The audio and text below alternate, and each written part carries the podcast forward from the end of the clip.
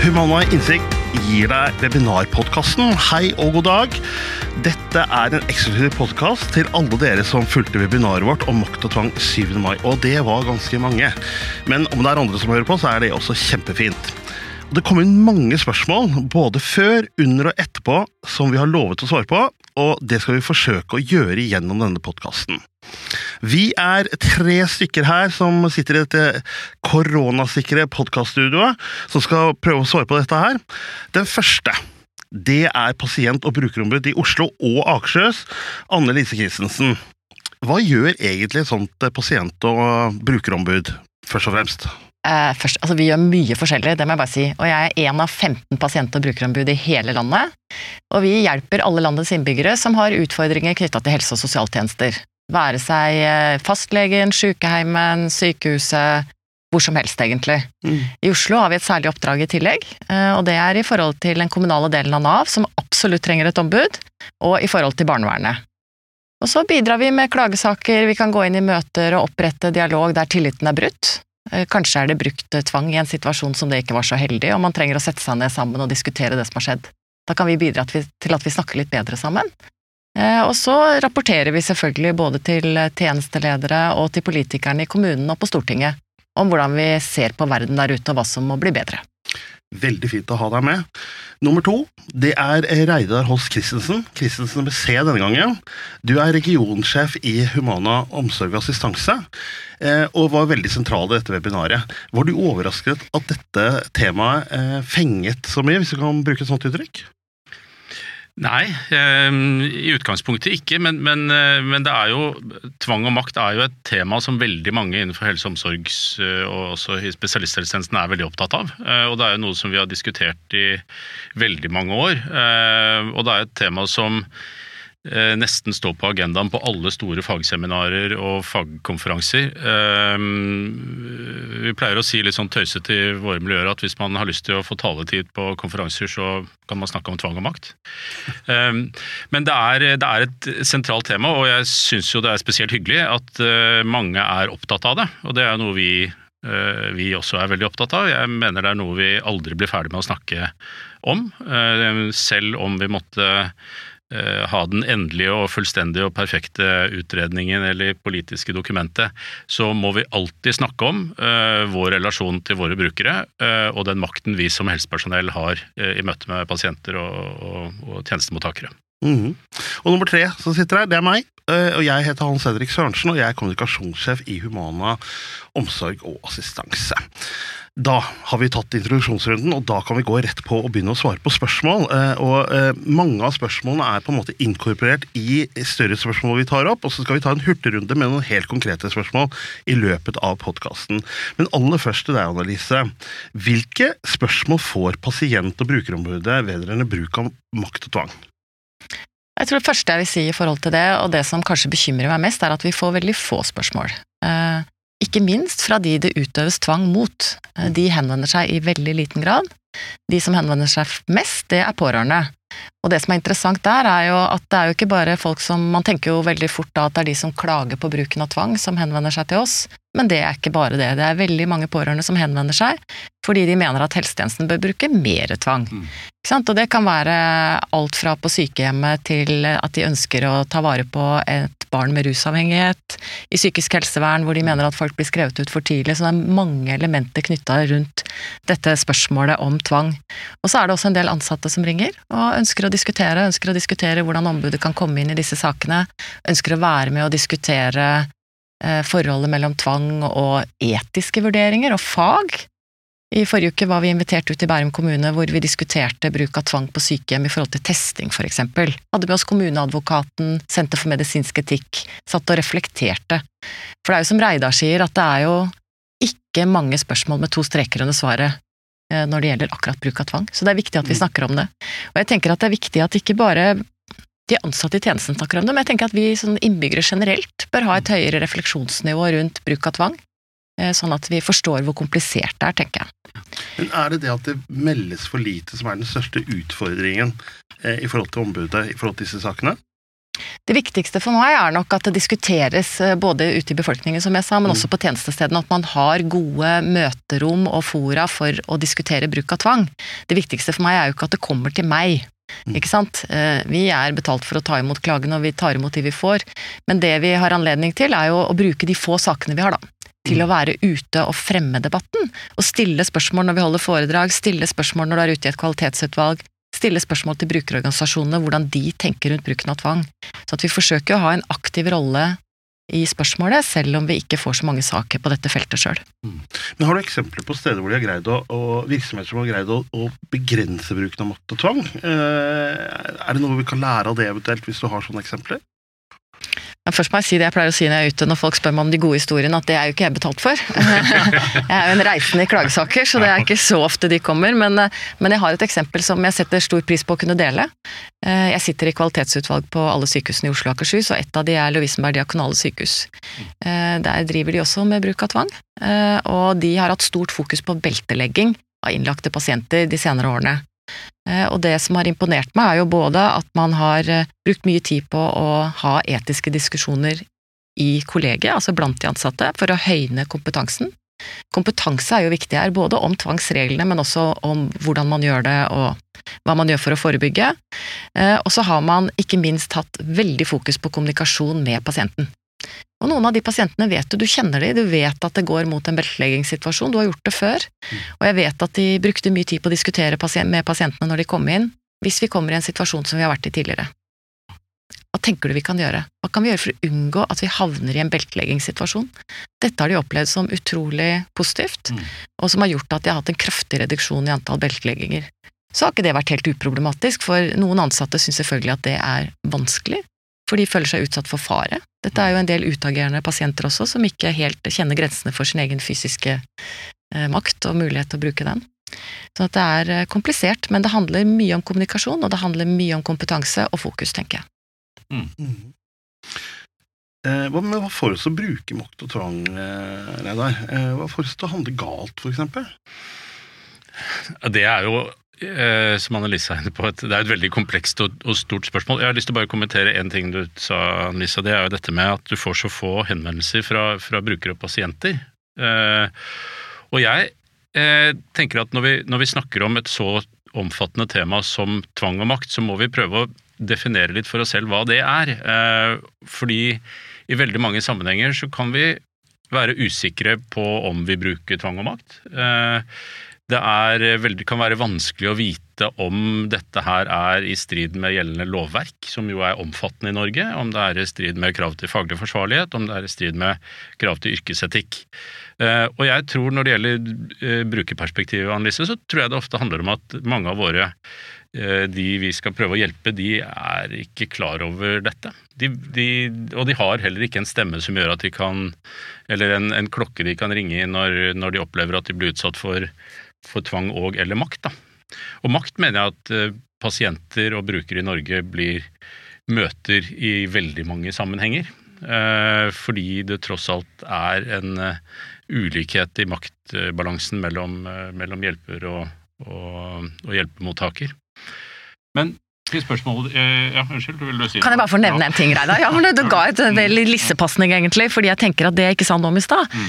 er jo at det beste bindeleddet ofte i disse sakene mellom ombud og brukeren er jo deg, Mm. eller altså det ansatte ute i tjenesten. Mm. Og det opplever vi jo innimellom, men for sjelden. Ja. Men at de ansatte tar kontakt på vegne av en bruker og sier at vi tenker at her burde noen vært inne med et litt sånn mer objektivt utenfra-blikk. Mm. Så siden jeg nå fikk anledning med å bare si velkommen alle ansatte. Ja. Eh, Ta det- kontakt på vegne av brukeren hvis brukeren vil. Ja, og, og da er vi litt Skal jeg prøve å svare på, på spørsmålet ditt, Hans Henrik? For her, så langt er vi helt enige, Annelise. Fordi det å snakke om det, det vi gjør nå, det vi har gjort gjennom webinaret, det Annelise gjør i sine utvalg, det i seg selv er med å forebygge uh, utilbørlig bruk av tvang og makt.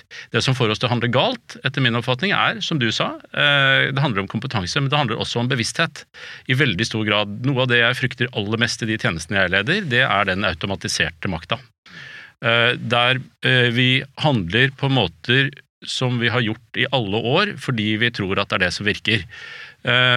Og det vi jo vet fra noen, noen undersøkelser som vi har gjort, eller jeg har vært involvert i, og som vi også vet fra mye maktforskning, det er at ofte så, så, så har vi en tendens til å nøytralisere den moralske dissonansen vi snakker om, altså når vi merker at noe er gærent. Eh, vi har snakket om det før, tror jeg, Annelise, at man, man merker det i det øyeblikket man kommer inn på en institusjon eller et sykehjem, om det er bra eller dårlig.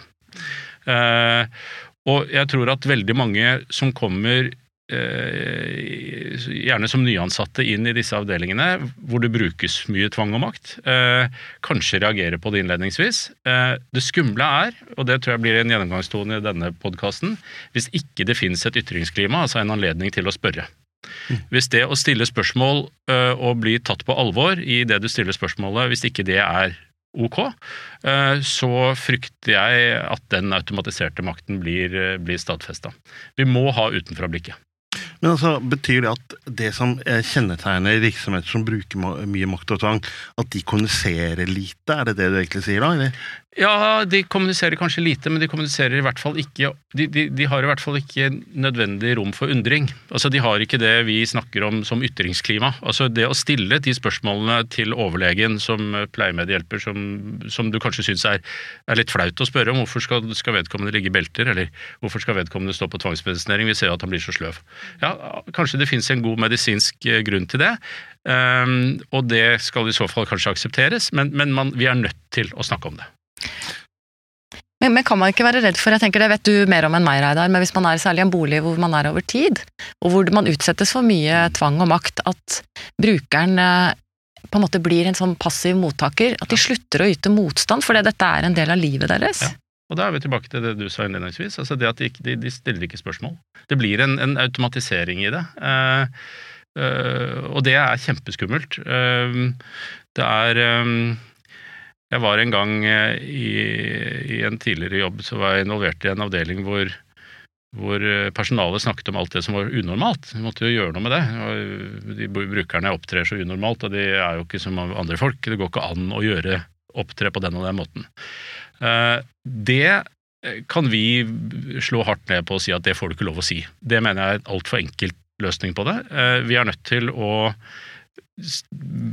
sammen med personalet reflektere over hva som er årsaken til at brukerne reagerer og opptrer som, som de faktisk gjør. Det handler igjen om kompetanse. Eh, En forståelse av hva de ulike utfordringene som brukerne baler med, faktisk innebærer. Det er lettere å forstå hvorfor en eh, person med autisme reagerer på, på eh, at det er annet pålegg i kjøleskapet, hvis du skjønner hva det faktisk innebærer å ha en autisme. Eh, Det er lettere å forstå hvorfor eh, en person med en psykoselidelse eh, blir vettskremt hvis du har på deg bestemte klær, fordi de assosierer det med noe de, de syns er skummelt. Det er viktig å forstå at mindset og måte å tenke på er veldig annerledes for, for mange mennesker. Det er jo egentlig det for oss tre som sitter i dette rommet òg. Absolutt. Ja, absolutt. Men altså, en ting som jeg synes er veldig interessant, er at det er så store forskjeller mellom kommuner i tvangsbruk og mellom helseforetakene i antall tvangsinnleggelser og alt mulig sånt også. Eh, sammenlignet med andre land så ligger jo Norge høyt i bruk av tvangsinnleggelser og tvangsbruk i forhold til innbyggertallet. Eh, men også innad i Norge så finner vi eh, få innleggelser, f.eks. i Førde, mens vi finner mange i fylket Troms og Finnmark. Altså, hva er årsaken til det her, da? Ja, vil du begynne, Annelise? Her kan vi ta fart. Ja, eller jeg tenker at uh, kultur må jo være et kjempeviktig ord. Kultur og holdninger. Jeg syns jo det er det Reidar så godt beskriver i det han forteller. Uh, og det utvikler seg ulike typer kulturer. Jeg tror jo uh, vi er på viddene Hvis vi begynner å snakke om ulike folkeslag i Norge, liksom. Det kunne jo vært fristende det å tulle litt med nordlendinger eller noe sånt. Vi gjør jo det ofte, og de tuller med oss. Men jeg tror ikke vi skal gjøre det her. Det er egentlig altfor alvorlig til det. Eh, Men det handler om kultur, og det er jo bekymringsfullt. Vi tenker at vi har et lovverk som vil regulere og sikre likebehandling i hele landet. Det tenker vi for så vidt på alle andre områder hvor vi har lovverk også, hvor vi ikke klarer det. Så vi trenger ikke å Det er ikke særskilt for dette feltet her. Nei. Men det er klart at lov er ikke tilstrekkelig.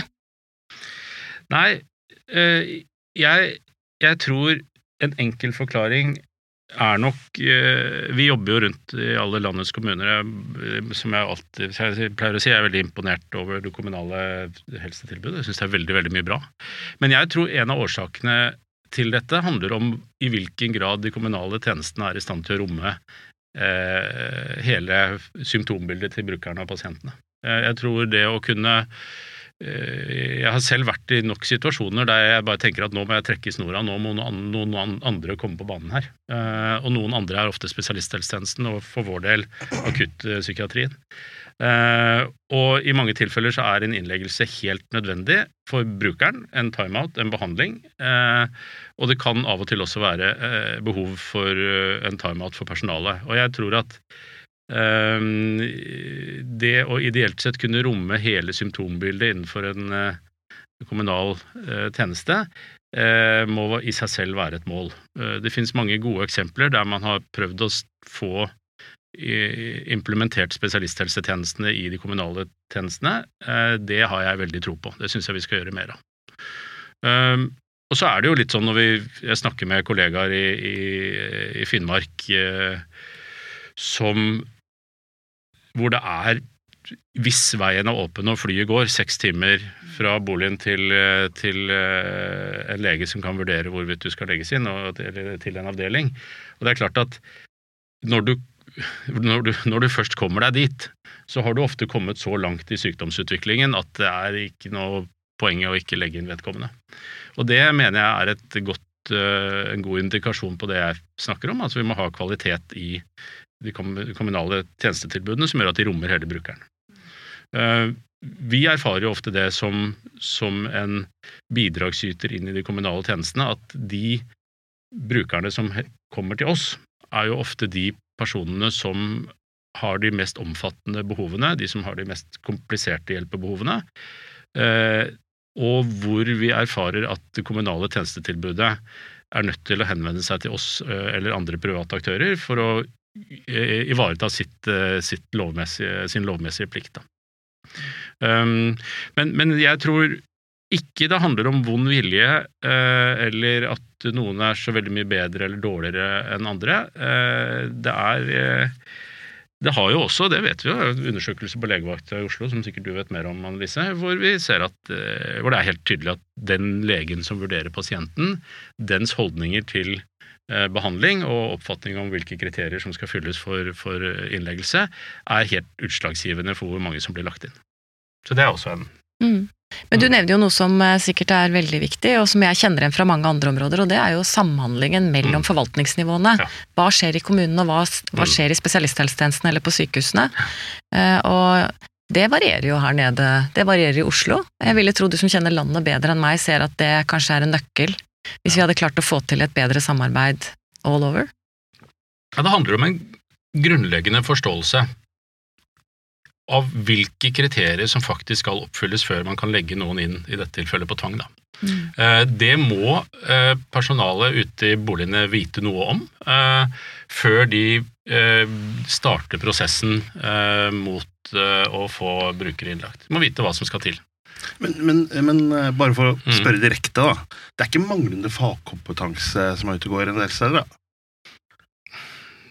I den grad, eh, for å følge resonnementet vårt, da, i den grad vi ikke har tilstrekkelig kompetanse til å kunne romme ytterpunktene i symptomene hos brukere. Altså, I den grad vi ikke klarer å, å, å romme forvirringstilstandene hos uh, enkelte brukere, eller utagerende eller, eller introvert atferd i de kommunale tilbudene, så, så, mener jeg at det handler om kompetanse, ja. men jeg mener ikke at vi kan si at det er gode og dårlige tjenester, og at det i seg selv er, er årsaken. Det syns jeg blir for enkelt. Men kunne man ikke vært flinkere til å bruke hverandres kompetanse? Altså Man har litt sånn ulik kompetanse, og kanskje ulik grad av respekt for hverandres kompetanse. Og hvis man var flinkere til å samhandle før det kom til en tvangsinnleggelse, ja. Eh, så ville man kanskje kunne hente ut eh, nyttige erfaringer og fagkunnskap som man mangla på, på, eget behandlingssted. Da. Ja.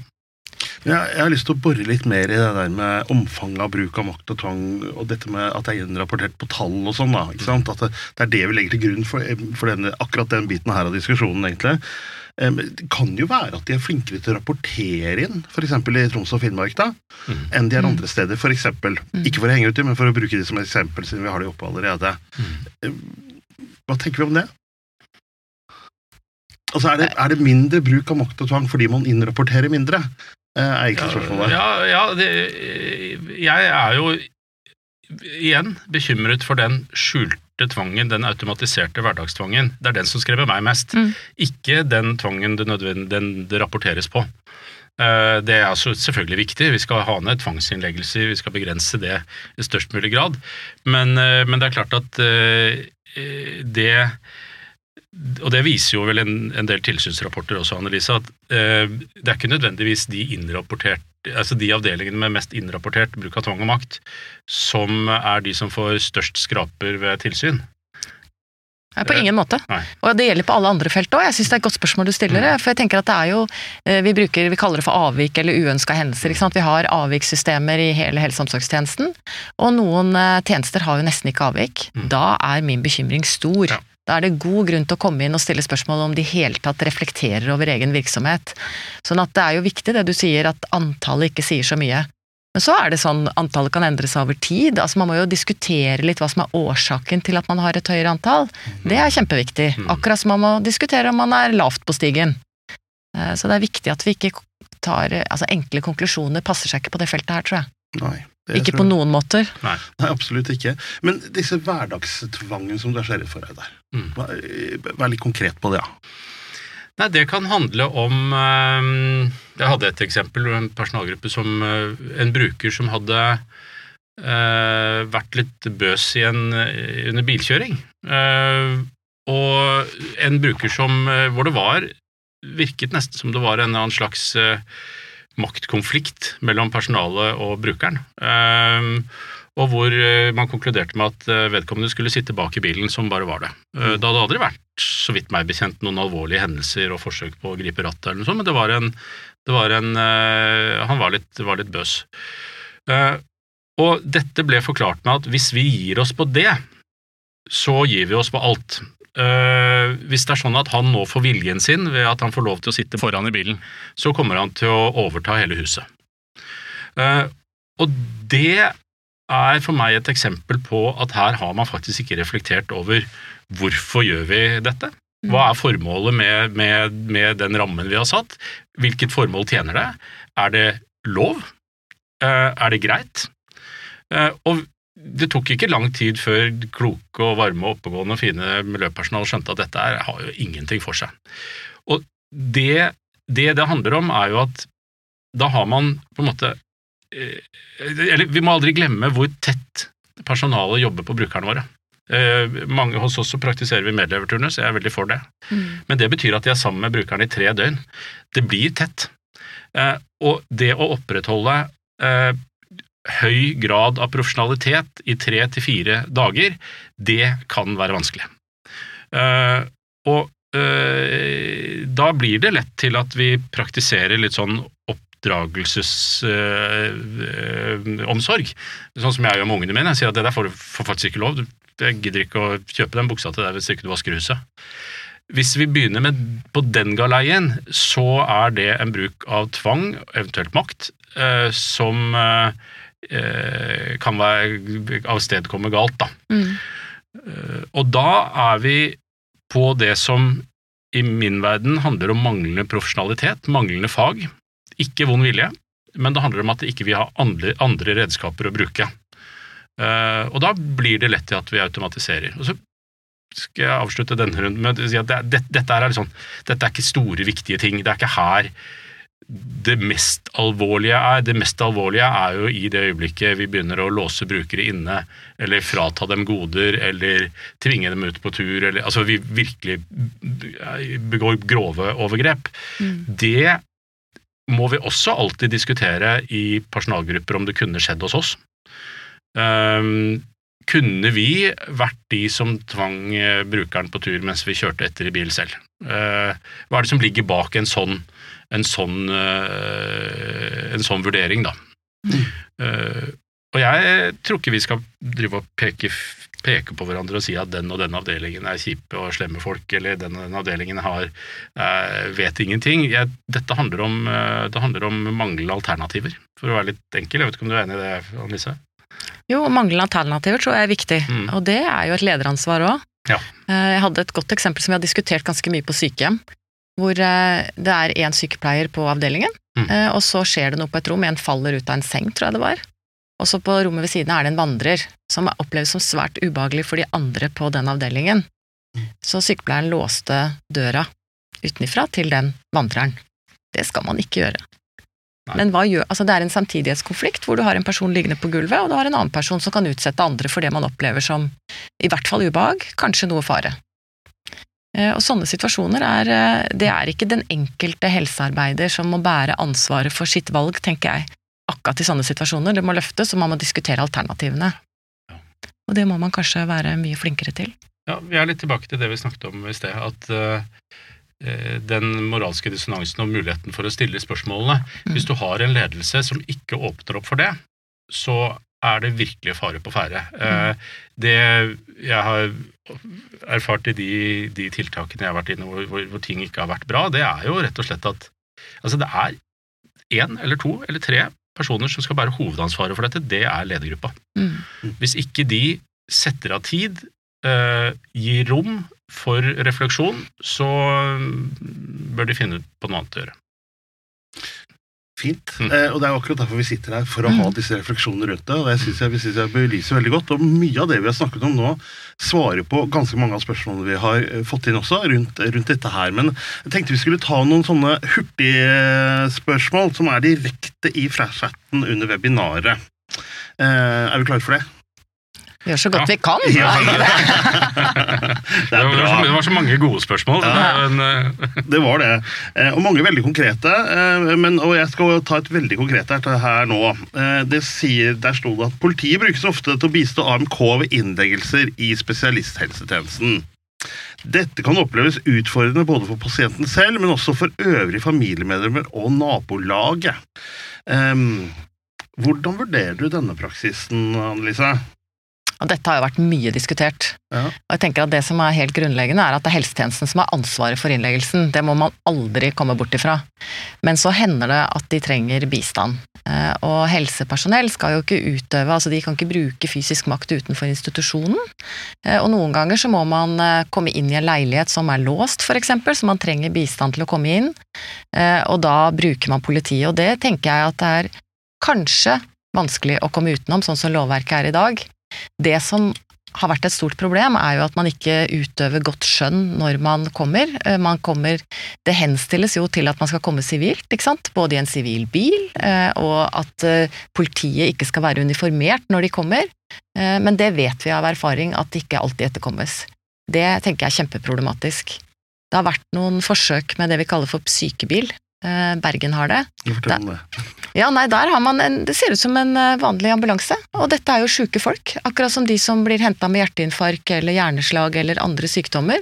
Så man på en måte reduserer stigma ved at det kommer noen inn i leiligheten og trenger å tilby deg helsehjelp. Om den helsehjelpen er helt frivillig eller under tvang, er på en måte ikke det som er måte hovedpoenget med den bilen som rykker ut.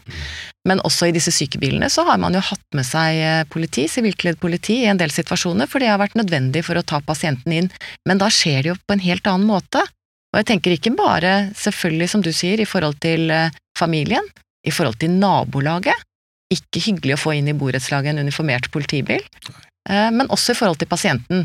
Og jeg tenker det har også noe med å bli henta av uniformert politi på bosted eller andre steder, for så å komme inn på et sykehus og skal bli vurdert.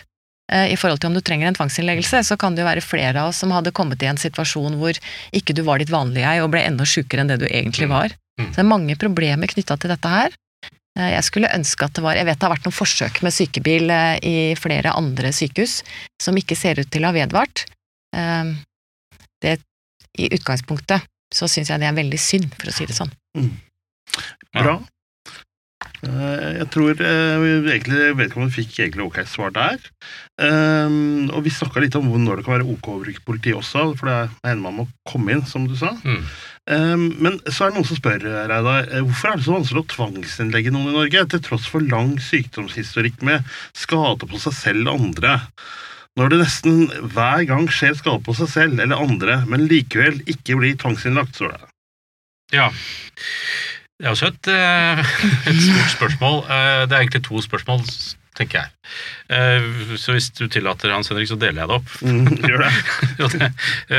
Spørsmålet er hvorfor det er så vanskelig å tvangsinnlegge folk i Norge. Vel, Og, og, og videre, til tross for lang syk sykdomshistorikk, her er det jo flere ting, og jeg skal ikke påberope meg å være ekspert på, på, på, på, kapasitet i helsevesenet, men det er klart at eh, her snakker vi jo i all hovedsak om, om akuttpsykiatriske avdelinger. Der er det begrenset kapasitet. Jeg har selv vært innom og jobbet på, en, på noen av dem, jeg vet at der er det fulle senger.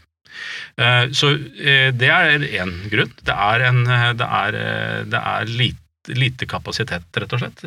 Og selv om de har et, en plikt til å hjelpe, så, så, er det ikke alltid så er det ikke alltid det er mulig å få pasienter inn. og Derfor så er eh, henvisende leger eh, ofte ganske restriktive. Mm. Eh, fordi de vet at den pasienten som kommer inn døra om en time, kanskje er enda sjukere. Så jeg har forståelse for den utfordringen i prioritering som ligger der.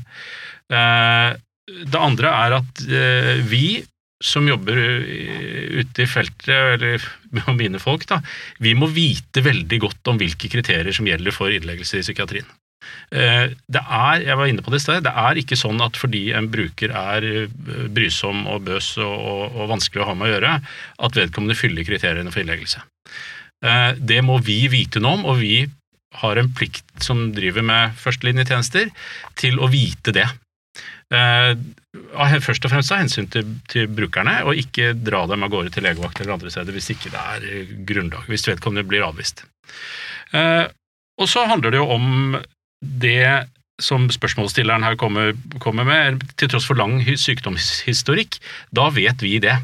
Vi kjenner brukeren, kjenner symptomene godt. Vi vet når øh, vi kan øh, prøve å innlegge på andre trinn i stedet for på femte. Uh, det handler om det snart oppbrukte, men allikevel gode begrepet dialog. Uh, vi er nødt til å samhandle tett med helsetjenestene, få til gode avtaler, gjerne knyttet til enkeltbrukere, og som Eh, pasient- og brukerombudet er betalt for å si, eh, samarbeide med brukerne. Selvfølgelig. Selvfølgelig. handler det om at jeg som pasient skal si noe om at hvis jeg begynner med de og de forvirringene, jeg får de og de tankene, stressnivået øker sånn og sånn, ja vet du, da trenger jeg en innleggelse. Der går det an å få til gode avtaler. Um, så det, og det er klart at ja, så, det er komplisert dette her, og noen ganger så er det jo sånn, min erfaring, at til tross for at alt alle kriteriene for tvangsinnleggelse i dette tilfellet, da, som vi jo snakker om, er innfridd, så er det fullt. Mm. Og det å en annen frustrasjon handler jo ofte om at brukerne kommer ut igjen dagen etter. Ja, da er mm. kanskje ikke kriteriene for tvangsinnleggelse lenger til stede. Eh, kanskje. Kanskje. Men, men, det eh, Jeg tenker det er, det er, noe av en forklaring. I hvert fall så, så handler det vel om kunnskap. Eh, vil du si noe om det, Annelise? eller? Nei, jeg bare, det slo meg, altså det, Ja, det handler om kunnskap, og, men kunnskapen om det du forteller også. ikke sant? Mm. At, at, det er knappe ressurser ja. og få plasser. Eh, det ser vi jo på andre områder. Ja. Eh, jeg har sett det f.eks. i barne- og ungdomspsykiatrien. Hvor eh, behandlere ute på DPS-ene tenker at her har vi en ungdom som trenger innleggelse på døgn. Mm. Da snakker vi ikke nødvendigvis om tvang, men jeg tenker det man kan bruke det som en analogi. Og så vet de at det er så få plasser på døgn for ungdom, og så lar de være å henvise. Ja. Og jeg blir jo helt gal av det. Altså, jeg blir ikke innlagt av det, men jeg blir helt Altså, jeg tenker mm. hvordan skal vi få synliggjort at vi har et større behov enn det vi på en måte tilbyr, hvis behandlerne slutter å henvise, slutter å bidra med klagesaker når de mener at det som skjer er feil. Det er jo liksom en, av, det er en ting er at jeg har betalt for det, men jeg mener det virkelig. Altså Det er en måte å synliggjøre på, for disse pasientene gjør det ikke sjøl. Så det er kjempeviktig. Mm. Og det tenker jeg i psykisk helsevern og ved bruk av tvang også. Og så tror jeg også at det er kanskje blant noen, eh, det vet du bedre enn meg, men eh, en slags tretthet over eh, svingdørspasienter. Det er, ikke, det er ingen lett beslutning å skulle tvangsinnlegge en pasient. Eh, man vet at mange opplever det som et stort overgrep, eh, og så vet du at de kommer ut igjen dagen etter. Ja. Og da må man jo stille seg spørsmål om det er verdt det. Ja, der, og der igjen handler det om Jeg skal ikke bruke mye tid på men vi hadde et uh, prosjekt gående for jeg tror det er ti år siden hvor vi gikk inn og så på de pasientene som var hyppigst altså, de, altså Svingdørspasientene, enkelt forklart. De som var ut og inn av akuttpsykiatriske avdelinger, gikk i dialog med sykehuset og sa at ok, hva kan vi gjøre for denne gruppa på 25 personer. Mm. Uh, det er unødvendig å bruke alle disse ressursene på å få dem innlagt. Vi må bli mye bedre til å håndtere hele sykdomsbildet ute i boligene. Brukte vi ressurser fra, fra eller Det ble overført ressurser fra, fra akuttavdelingene eh, ut i boligene, hvor de drev med veiledning, oppfølging, samtaler med brukerne. Fantastiske eh, resultater. Vi så at både antall og varighet rundt de, altså innleggelser rundt de brukerne sank dramatisk. Så dette går. Eh, det handler igjen om å, om å, romme hele brukeren i, ideelt sett i den uh, boligen eller institusjonen vedkommende er i. Da. Mm. Og gi de ansatte der mulighet til å utøve godt fag. Vi ja. går jo litt i sirkel, vi var jo der i stad også. Ja. Mm. Jeg tenker det Samhandlingen er helt avgjørende mm. på det feltet også. Ja, dialog og samhandling. Det er det vi, det er det vi snakker Summer opp denne samtalen her med det, tror jeg. Men eh, et, enda, eh, nok et seerspørsmål til. Mm. Um, vi har en beboer med alvorlig epilepsi. I det siste har han noen ganger nektet å ta medisiner. Noen ganger hjelper det å bytte personale. Denne beboeren har språk og blir ofte sint, og personalet får ikke være inne i leiligheten til beboer. Mm. Dette skjer som oftest på kvelden. Beboeren låser døren sin, og pga. denne beboerens epilepsi så må vi høre se til beboeren. Hva gjør vi? Ja, Vær så god, Reidar. Plutselig så kom denne virkeligheten sånn her. Uh, det, det, dette, dette, er jo et, et spørsmål som, som, igjen rommer mange ting. Da. Uh, jeg forstår det dit hen at uh, da, det hjelper å bytte personal. Uh, og det syns jeg er interessant. Uh, hva er det de personalet som får vedkommende til å ta den medisinen, faktisk gjør? Og, og hva er det det personalet som ikke får han til å gjøre det, gjør. Det er nå én ting. Jeg vil igjen, jeg ville hatt en dialog og diskusjon, helt åpent uten noen peke, pekefingre i personalgruppen, på hva, hva, er det som gjør at det funker. Uh, og det neste er jo at uh, det, skjer, noe skjer om, altså det skjer som oftest om kvelden. Ja, hva er det som skjer om kvelden? Hvorfor er kvelden spesielt vanskelig, eller hva er det som skjer da? Uh, og det kan godt være at det fins helt enkle, banale eh, grunner til det. Det kan være at mm. Eh, brukeren har behov for å være for seg sjæl etter en lang arbeidsdag, eller hva vedkommende gjør. Er, er sliten. Mm. Vil holde personalet unna. Dette vet jo ikke jeg, men det blir synsing. Men, men, jeg tror uansett så handler det om å stille seg de spørsmålene. Hvorfor får vi det ikke til? Uh, og hva, hva, er det som, ja, hva er det som gjør at vedkommende vegrer seg mot dette? Uh, Eh, og, og, det siste handler jo om at eh, beboeren løser døren sin, men pga. Eh, dette som, eller epilepsien så må vi høre eller se beboeren. Ja, det er, det er, det er et av de mest, et av de vanskeligste spørsmålene som jeg erfarer hva som skjer, Apropos tvang og makt, da. Mm. Hva, eller makt. Hva skjer i det øyeblikket vi gir beboerne nøkkel til egen leilighet? Mm. Da er det beboerens egen private sone hvor de i henhold til norsk lov kan bestemme hvem som skal komme inn. Med mindre vi da går på, på et kapittel fire i pasient- og brukerrettighetsloven. Mm. Og vedkommende er sannsynligvis i sin fulle rett til å holde personalet unna her. Mm. Um, det opplever jeg at eh, ofte kan være kjempevanskelig, fordi vi kan ikke som helsepersonell sitte og se på at en beboer bak en låst dør forkommer. Eh, I dette tilfellet er sannsynligvis den epilepsimedisinen livsnødvendig. Eh, I hvert fall eh, for å hindre epileptiske anfall. Da må vi gå inn og se på hva vi kan gjøre for at den døren, døren ikke er låst når vi kommer for å gi medisinene. Mm. Det, det, det er, vi har mange diskusjoner på det, for det er klart at Litt sånn metaperspektiv. I det øyeblikket vi, vi, vi gir en gir beboerne våre anledning til å låse seg inne, så fratas jo en del av vår makt. Mm. Ehm, jeg mener jo absolutt at det er riktig, da. At de skal kunne låse døra og ha et privatliv. Det handler om eh, alle menneskers eh, rett. Men, men, eh, men det der er utfordrende, og her forstår jeg det dit hen at det ikke er noe tvangsmedisineringsvedtak eller noe som helst annet, så her må man jo, må man jo bare se på om det er alvorlig fare for liv og helse, og i så fall så må man begynne å gå veien og se på hvorvidt brukeren er samtykkekompetent, og, og, om det er behov for å vurdere en, eh, en, eh, bruk av, av, lovverket for å få et uh, tvangsvedtak på det. Mm. For der tror jeg du nærmer deg noe av det som er en vanskelig problemstilling i veldig mange sammenhenger. Mm. Nettopp dette ordet samtykkekompetanse. Som jo for oss som jobber i virksomhetene, vi, vi bruker det ofte. Litt mer ukjent der ute. Men det er jo at du skal være i stand til å treffe gode valg. For, ikke nødvendigvis gode, men informerte og bevisste valg om ditt eget liv. Og de, altså de bevisste valgene og informerte valgene trenger ikke å være gode. Det er jo litt av problemet. Man, vi kan gjøre mange dumme ting. Vi kan forgå, faktisk, eh, og folk kan ikke stoppe oss. Samtidig så er dette mennesker som bor i en bolig eh, med fagfolk rundt seg. Altså, hvor går grensen for hvor du skal gripe inn? Mm. Ekstremt krevende, tenker jeg. Ja. Veldig godt spørsmål. Og igjen uten svar med fire linjer under, vil jeg si. Nei, eh, og jeg skal ta et eh, nytt eh, spørsmål fra seerne, som heller ikke er et spørsmål som jeg tror det er mulig å få to streker uten svar på, og i hvert fall ikke fire. Eh, Spørsmålet er eh, hva om en lov strider mot ny fagkunnskap, og når en, lov, når en lov gjør at nødvendig makt og tvang blir brukt? Fordi loven er tutidig og opp til subjektiv tolkning. Den er Her pekes det. Vi peker på hverandre. Ja, dere gjør det. Kanskje spørsmålsstilleren kunne tatt sjansen på å prøve sjøl. Eller du, Hans Henrik. Denne, synes jeg, den, denne her synes jeg den, den her er litt lei, så den er spart til slutt. Ja, nei, jeg, jeg, ehm, nå skal jeg trekke pusten, og så skal jeg minne meg selv om at jeg må bruke punktum. Eh, og så skal jeg prøve å være konkret. Ja. For her snakker vi jo om det viktige og komplekse begrepet faglig forsvarlighet, tenker jeg. Mm. Ehm, og det Da må vi forstå at det har tre dimensjoner. Én ting er den enkelte helsepersonells plikt til å holde seg oppdatert på kunnskap og kompetanse.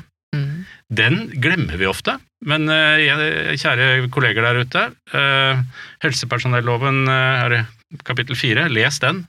Um, eller, ja, det husker jeg plutselig ikke, men, i hvert fall les helsepersonelloven, for det, det gjør at vi, vi har en plikt til å holde oss oppdatert. Men, men der er vi i hvert fall inne på at Det er jo det vedkommende spør om, egentlig. Jo, jo, men at, kommer- at, jo. fagkunnskapen kan være i, strid, eller fagkunnskap det er litt i anførselstegn, for at, hva er det, liksom? Jo, men det er en forutsetning med fagkunnskap for Man må ha nødvendig fagkunnskap for å kunne forholde seg til lovverket. Det er innbakt i lovverket. Jeg kan ikke forstå at det fins et lovverk i helselovgivningen i Norge som strider mot fagkunnskap. Så jeg er i utgangspunktet uenig med spørsmålsstilleren, da, hvis jeg kan med fare for å fornærme noen. Annelise, her trenger jeg litt hjelp. Jeg klarte ikke helt å være kort. Mm. Nei, men, men man kunne jo tenke seg at det fins jo fagfolk der ute som mener at vi ikke skal ha en tvangslov. Det er noe, men, men det er ikke fagkunnskap nødvendigvis. Ja, det, jo, det, jeg skal jo ikke stille meg på den ene eller den andre siden, men de vil jo mene at, eh, at som gode fagfolk så mener vi at tvang er et brudd på faglig forsvarlighet. Ja, okay. Det vil jo kunne finne de, Ja, ja. Ikke ja, sant? Ja. Sånn at jeg synes det er vanskelig. Vi skulle, ha- denne spørsmålsstilleren skulle vært i studio med oss. Ja. Det hadde vært kjempespennende, for dette er nesten en problemstilling man må spille litt ball for å klare å grave ordentlig. Mm. For den reiser mange andre problemstillinger. ja, og jeg er helt enig. Det er, det, er, det, er, er innmari vanskelig å svare på det før vi vet hva som egentlig ligger bak det. Uh, det Men vi tar imot mail. Ja, det Vi skulle skal vi komme tilbake til. Ja, for det er veldig- men det, gjør, det gjør vi faktisk. Og, Mm. og vi er jo opptatt av å dele kunnskap i Humana, Ja. eh, og det er helt sikkert dere opptatt av som ombud også. Absolutt. Eh, og, så vi vil holde denne debatten og, og diskusjonen og dialogen eh, gående, absolutt. Men eh, vi kan dra det jo litt videre, da. Eh, for at du nevnte det med tvangslov, eh, Annelise. Og det er eh, forslag til en ny tvangslov, og den har tenkt jeg vi skulle snakke litt om. Um, fordi at ehm, Ja, kan vi starte der? Hva tenker du om det forslaget? Kan vi starte der? Eh, ja. Dette kalles jo ikke bare en tvangslov, men en tvangsbegrensningslov. Eh, vi kan jo begynne med det. Eh, jeg er litt sånn skeptisk til eh, ordbruken.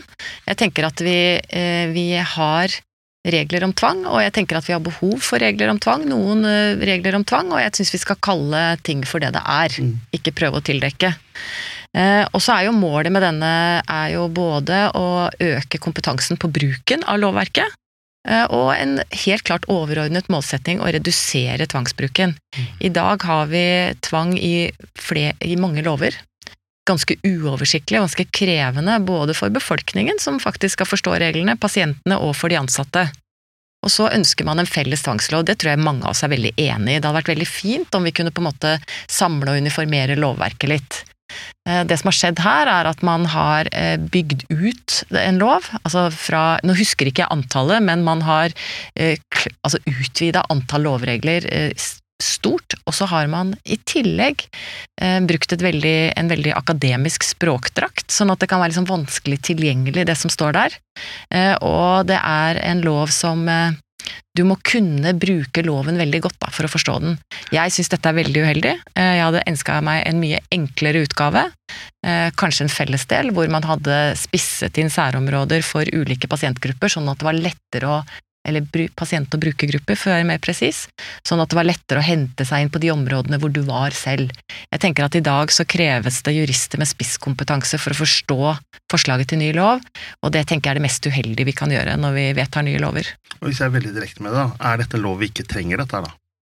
Eh, det, vi trenger en lov, Eh, det er jeg ikke i tvil ikke om. formen. Men vi trenger en lov som gjør at eh, både de som håndhever den, og de som den blir brukt overfor, kan forstå innholdet i den.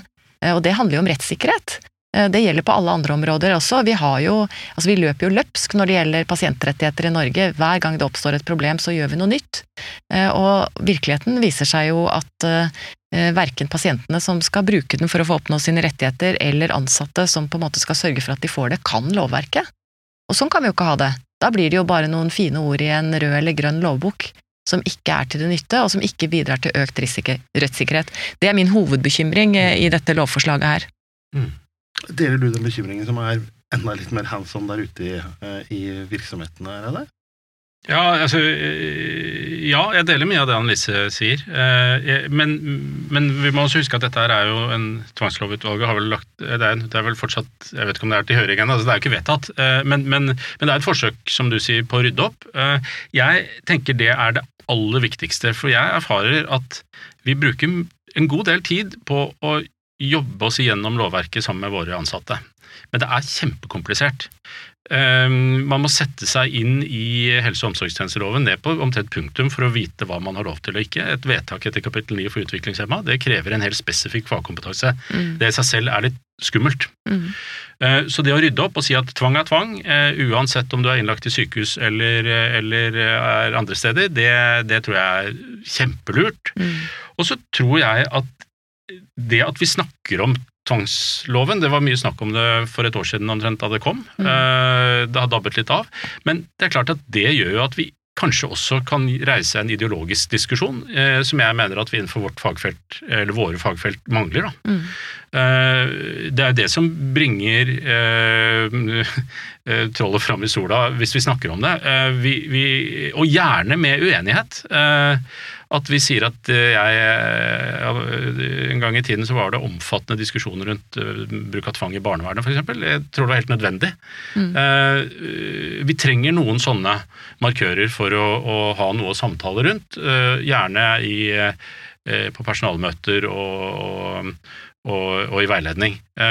Så jeg ønsker jo definitivt forslaget veldig, veldig velkomment. Forsøket på å rydde opp er nødvendig. Mm.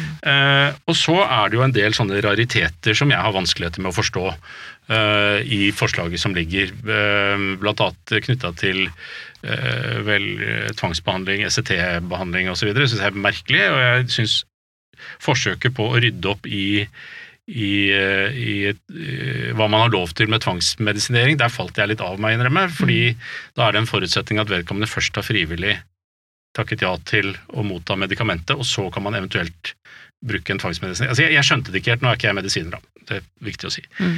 Så, men det er en del ting som er uklart, men det, det, det skulle jo bare mangle eh, i et eh, forslag som, som ligger, eh, og så blir det jo spennende å se hva vi, hva vi ender opp med. Eh, men vi må jo også huske at med jevne og ujevne mellomrom så er jo denne type eh, forskrifter og høringer og, og notater fra direktorater og andre framme. Eh, så det er jo ikke noe nytt at vi i 2019 fikk et, eh, et nytt forslag, da. Eh, skjønner, altså det, det, det, er, og det er jo noe jeg oppfatter at helsemyndighetene heldigvis er veldig opptatt av hvordan kan vi begrense bruk av tvang og makt i norsk helsevesen. Og dette har jo forsøkt å gjøre tidligere. Ja. ikke sant? Det har vært et utvalg tidligere som har jobbet med dette her, og det har vært så komplisert at det har Mm. blitt liggende i en skuff. Og jeg tenker at det vi må være mest opptatt av Jeg syns Reidar formulerte seg veldig godt eh, på dette feltet.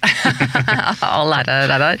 Men, eh, men, men eh, det vi må være opptatt av, er jo hvilken effekt det kommer til å gi. Mm. Og da er det jo vanvittig viktig å høre på de som skal anvende loven. Altså Én ting er juristene, men de som skal anvende den, må jo bli hørt eh, for at man skal sikre effekt. Mm. Og effekt er viktig når det gjelder tvang. Vi, I 2017 så gjorde vi en endring i forhold til å kunne legge inn folk på tvang, i forhold til bruken av samt, altså samtykkekompetansevurderingen. Ja. I utgangspunktet så skal det veldig mye til at du kan legges inn på tvang hvis du er samtykkekompetent. Mm. Målet med det var selvfølgelig å redusere tvangs, antall tvang- tvangsinnleggelser. Så så man helt på begynnelsen, i 2017, så så man at antallet gikk ned, Mm. og så fra 2018 så gikk det oppover igjen. Eh, og det er jo viktig å lene seg godt tilbake og tenke gjennom hva er det som skjer. Hvordan virker disse ulike lovreguleringene inn på den faktiske pasientbehandlingen? Mm. For det er jo dit vi vil, det er jo det vi er opptatt av å regulere. Men altså, en ting som jeg sitter og lurer på, er jo da om, en, om du eller dere tror at en sånn, denne nye forslaget til ny lov da, vil redusere bruken av makt og tvang?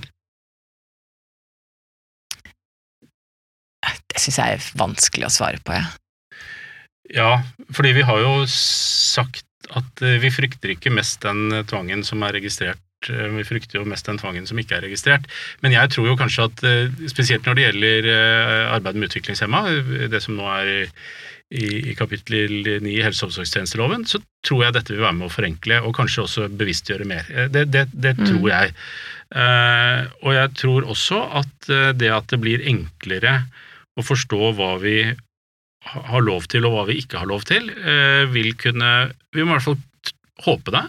eh, At det vil eh, kunne gjøre at diskusjonen blir lettere å ta, og av det også at vi har en økt bevissthet. Jeg håper det, i hvert fall. Og, og igjen, jeg, jeg er veldig glad for at denne type arbeid skjer. Eh, At eh, tvangslovutvalget ble nedsatt, og at det faktisk settes på agendaen hvordan vi kan gjøre noe med et alvorlig samfunnsproblem. At eh, sårbare grupper blir utsatt for for mye tvang og makt i samfunnet. Så det er helt topp. Jeg håper jeg, mener det er grunn til å tro det, Hans Henrik, at, at det kan bidra til å redusere tvang og makt. ja. Men jeg tror det er veldig viktig å si altså redusere, men at det også skal bidra til riktigere bruk av tvang. Ja. For det er på noen områder så Vi ønsker jo ikke Jeg kan ikke si at jeg ønsker at vi skal stoppe all tvang. Det er helt klart situasjoner i samfunnet hvor jeg mener at vi har et ansvar for Mm. å vise omsorg overfor en person. eh, Og bidra til at de får faglig hjelp, altså faglig forsvarlig hjelp. Sånn at det, det handler ikke bare om reduksjon, men det handler om at den må være riktig. Og det er kanskje mest i det sporet da jeg er opptatt av at loven må være så enkel at den faktisk eh, både sikrer rettssikkerheten til brukerne, og at vi bruker tvang på en mer riktig måte enn det vi gjør i dag. Og jeg er usikker på om et såpass komplisert lovverk som det som nå ligger på bordet, eh, vil bidra akkurat til det. Jeg tenker vi setter strek for akkurat den praten der. Eh, Jeg har lyst til å ta opp noe veldig veldig aktuelt, som har vært veldig aktuelt et par måneder her nå. Og det er dette forholdet eh, med smittevern og tvang og makt. For vi er jo midt inne i en helt spesiell situasjon i verden, eh, som alle vet. Men det får jo noen konsekvenser for dette området vi snakker om her også. Tror du, Annelise, at dette omfattende smittevernregimet fører til mer bruk av makt og tvang? Det er jeg litt sånn usikker på, egentlig. Altså, det er klart at man har anledning til å bruke mer. Eh, For vanlig eh, tvangslovgivningen ellers, den er jo opptatt av å beskytte i all hovedsak den personen eller pasienten eller brukeren som er på en måte i sentrum. Mm. Men smittevernlovgivningen er jo opptatt av å beskytte hele befolkningen. Eh, Og hvis folk agerer på en måte imot de reglene som gjelder i smittevernloven, så kan man bruke tvang og makt. Mm. Så er jo spørsmålet hvor ofte det har vært nødvendig, er jo en helt annen problemstilling. Eh, Fordi det virker jo som man forholder seg ganske godt til disse smittevernreglene som, eh, som er igangsatt. Eh, Jeg vet det har vært noen diskusjoner blant annet i sykehjem, eh, som jeg har vært invitert inn i, og som jo er vanskelige. Du har en avdeling med, med kanskje ti pasienter med langt framskreden demenssykdom, og så blir på en måte spørsmålet mistanke om covid-19 eller korona hos en av beboerne. Eh, Skal vi teste? Skal vi tvangsteste? Hvilken betydning får det for arbeidet på avdelingen? Hva betyr det overfor den enkelte brukeren og beboeren? Dette vet jeg er vanskelige problemstillinger ute på tjenestestedene. Jeg tror i, i dette spørsmålet så er det viktig å skille mellom tvang og makt. Jeg tror Mm. ikke vi bruker mer tvang, men jeg tror vi bruker betydelig mer makt. Ja. Makt i forståelsen av at eh, vi eh, har besøksrestriksjoner eh, i, i, i institusjoner Mm. og tidvis også i omsorgsboliger.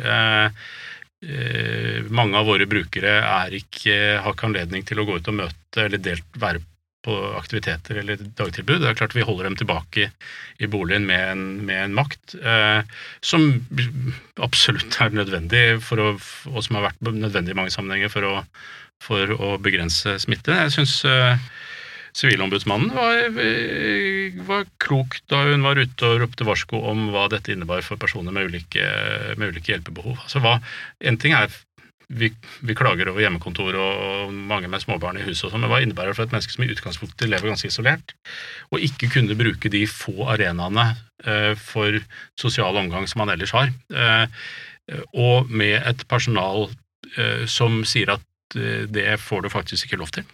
Det, det, jeg, jeg sier ikke at det er galt, jeg tror som sagt det har vært nødvendig, og mange dette gjelder er også i risikogruppene, men, men at vi bruker massiv makt, ja. Det gjør vi. Men det er kjempegod distinksjon, og jeg tenker at noen ganger så kan også Altså jeg har stor forståelse for det i den situasjonen vi er i nå, men min bekymring har tidvis vært at det kan Altså det at man ikke utøver tvang med det tross alt refleksjonsnivået man må ha, og den Mm. presiseringen man må ha, gjør at man ikke alltid er like reflektert. Og jeg har et godt eksempel. Jeg var og besøkte en, en gjeng med rusavhengige på institusjon. Mm. eh, For ikke mange dagene siden. Eh, Og de eh, bor eh, i eh, uhensiktsmessig bygg. Eh, De deler bad Mm. og toalett. Eh, De deler fellesrom, et ganske lite fellesrom. Sånn at de reglene som gjelder for de fleste av oss andre, eh, de er det vanskelig på en måte å, å følge på den institusjonen. De er inne til behandling, eh, og hovedmålet med behandlingen er jo at de på en måte skal lære seg å beherske seg når de utsettes for fristelser, for de er det rus. Det, det er jo helt, de er jo låst helt inne på institusjonen. Og så tenker jeg det de hadde gjort, og grunnen til at eh, de pasientene tilkalte eller spurte om ombudet kunne komme på besøk, var at de sa her bor vi, felles toalett, felles dusj, eh, felles, eh, felles oppholdsrom som vi alle oppholder oss i, men vi får ikke lenger gruppebehandling, fordi det setter koronaen grenser for. Mm. Vi får ikke lov å gå ut en tur, for det setter det grenser for, ikke sant. Så hadde vi en diskusjon med personalet, og det jeg opplevde var et veldig godt møte. Personalet var veldig åpne, også om de feilene de hadde gjort. Og det med forholdsmessigheten, da, i forholdet mellom de ulike typer tiltakene. Man skal kunne begrunne de godt. Og hvis folk kan sitte sammen i fellesrommet og spille spill eller høre på musikk eller hva de gjør for noe, så må de jo kunne sitte i det samme fellesrommet og motta behandlingen for eh, den sykdommen som de er til behandling for. Og jeg tror kanskje at det er et eksempel på ting som skjer andre steder også. Jeg syns at dette med fellesrom i en del boliger, for eksempel, at man fint kunne tilrettelagt. Jeg blir liksom provosert, og fortsatt, jeg har akkurat avgitt en uttalelse til Helsedirektoratet hvor jeg poengterer akkurat dette. Mm. Eh, Hvor vi som eh, bor i egen bolig ellers i samfunnet, vi kan gå på restaurant, mens folk som bor i en bolig, eh, en slags omsorgsbolig, de kan ikke sitte i fellesrommet og spise sammen eller ha en quiz. Folk som i utgangspunktet er atskillig mer ensomme enn oss i sin egen bolig, vil føle seg mye mer isolert, og kanskje presumptivt ta mer skade av den isolasjonen også, enn det vi gjør i en kortere periode. Mm. Så jeg tenker at rasjonaliteten bak utøvelsen av makt er ekstremt viktig, og det er ekstremt viktig at vi utfordrer rasjonaliteten. Mm. Syns jeg du var veldig god. Ja, nå tok jeg helt av, jeg kjente det, Ja, nå, nå- nå ramla det. Ja, nå, bare... nå skryter dere fælt av hverandre. Nei, jeg så på deg, du må bare si ifra hvis det blir for mye av det gode. Dette er veldig bra, og jeg, er litt sånn på at vi ending on a high note. Eh, nå, jeg tror, vi, tror vi er kanskje rundt, eh, faktisk, nå. Ja. Eh, Det var veldig nyttig, tror jeg, for eh, å sitte her og høre på dere. For meg, i hvert fall. Jeg håper det har vært for de som hører på også. Um, Vi er tilbake med flere webinarer eh, veldig snart i Humana. Eh, Følg med på eh, sosiale medier og på hjemmesider. Har du enda flere spørsmål, så vil vi gjerne fortsette dialogen og diskusjonen med dere. Send mail, eh, gjerne til ombudet, eh, men også til eh, webinar at humananorge.no. Og vi deler kunnskap i Humana fordi vi mener at det gir folk bedre liv, for alle har rett til et godt liv. ikke sant, Reidar? Alle har rett til et godt liv, Hans Henrik. Takk til deg også, Anne Lise Christensen, pasient- og brukerombud i Oslo.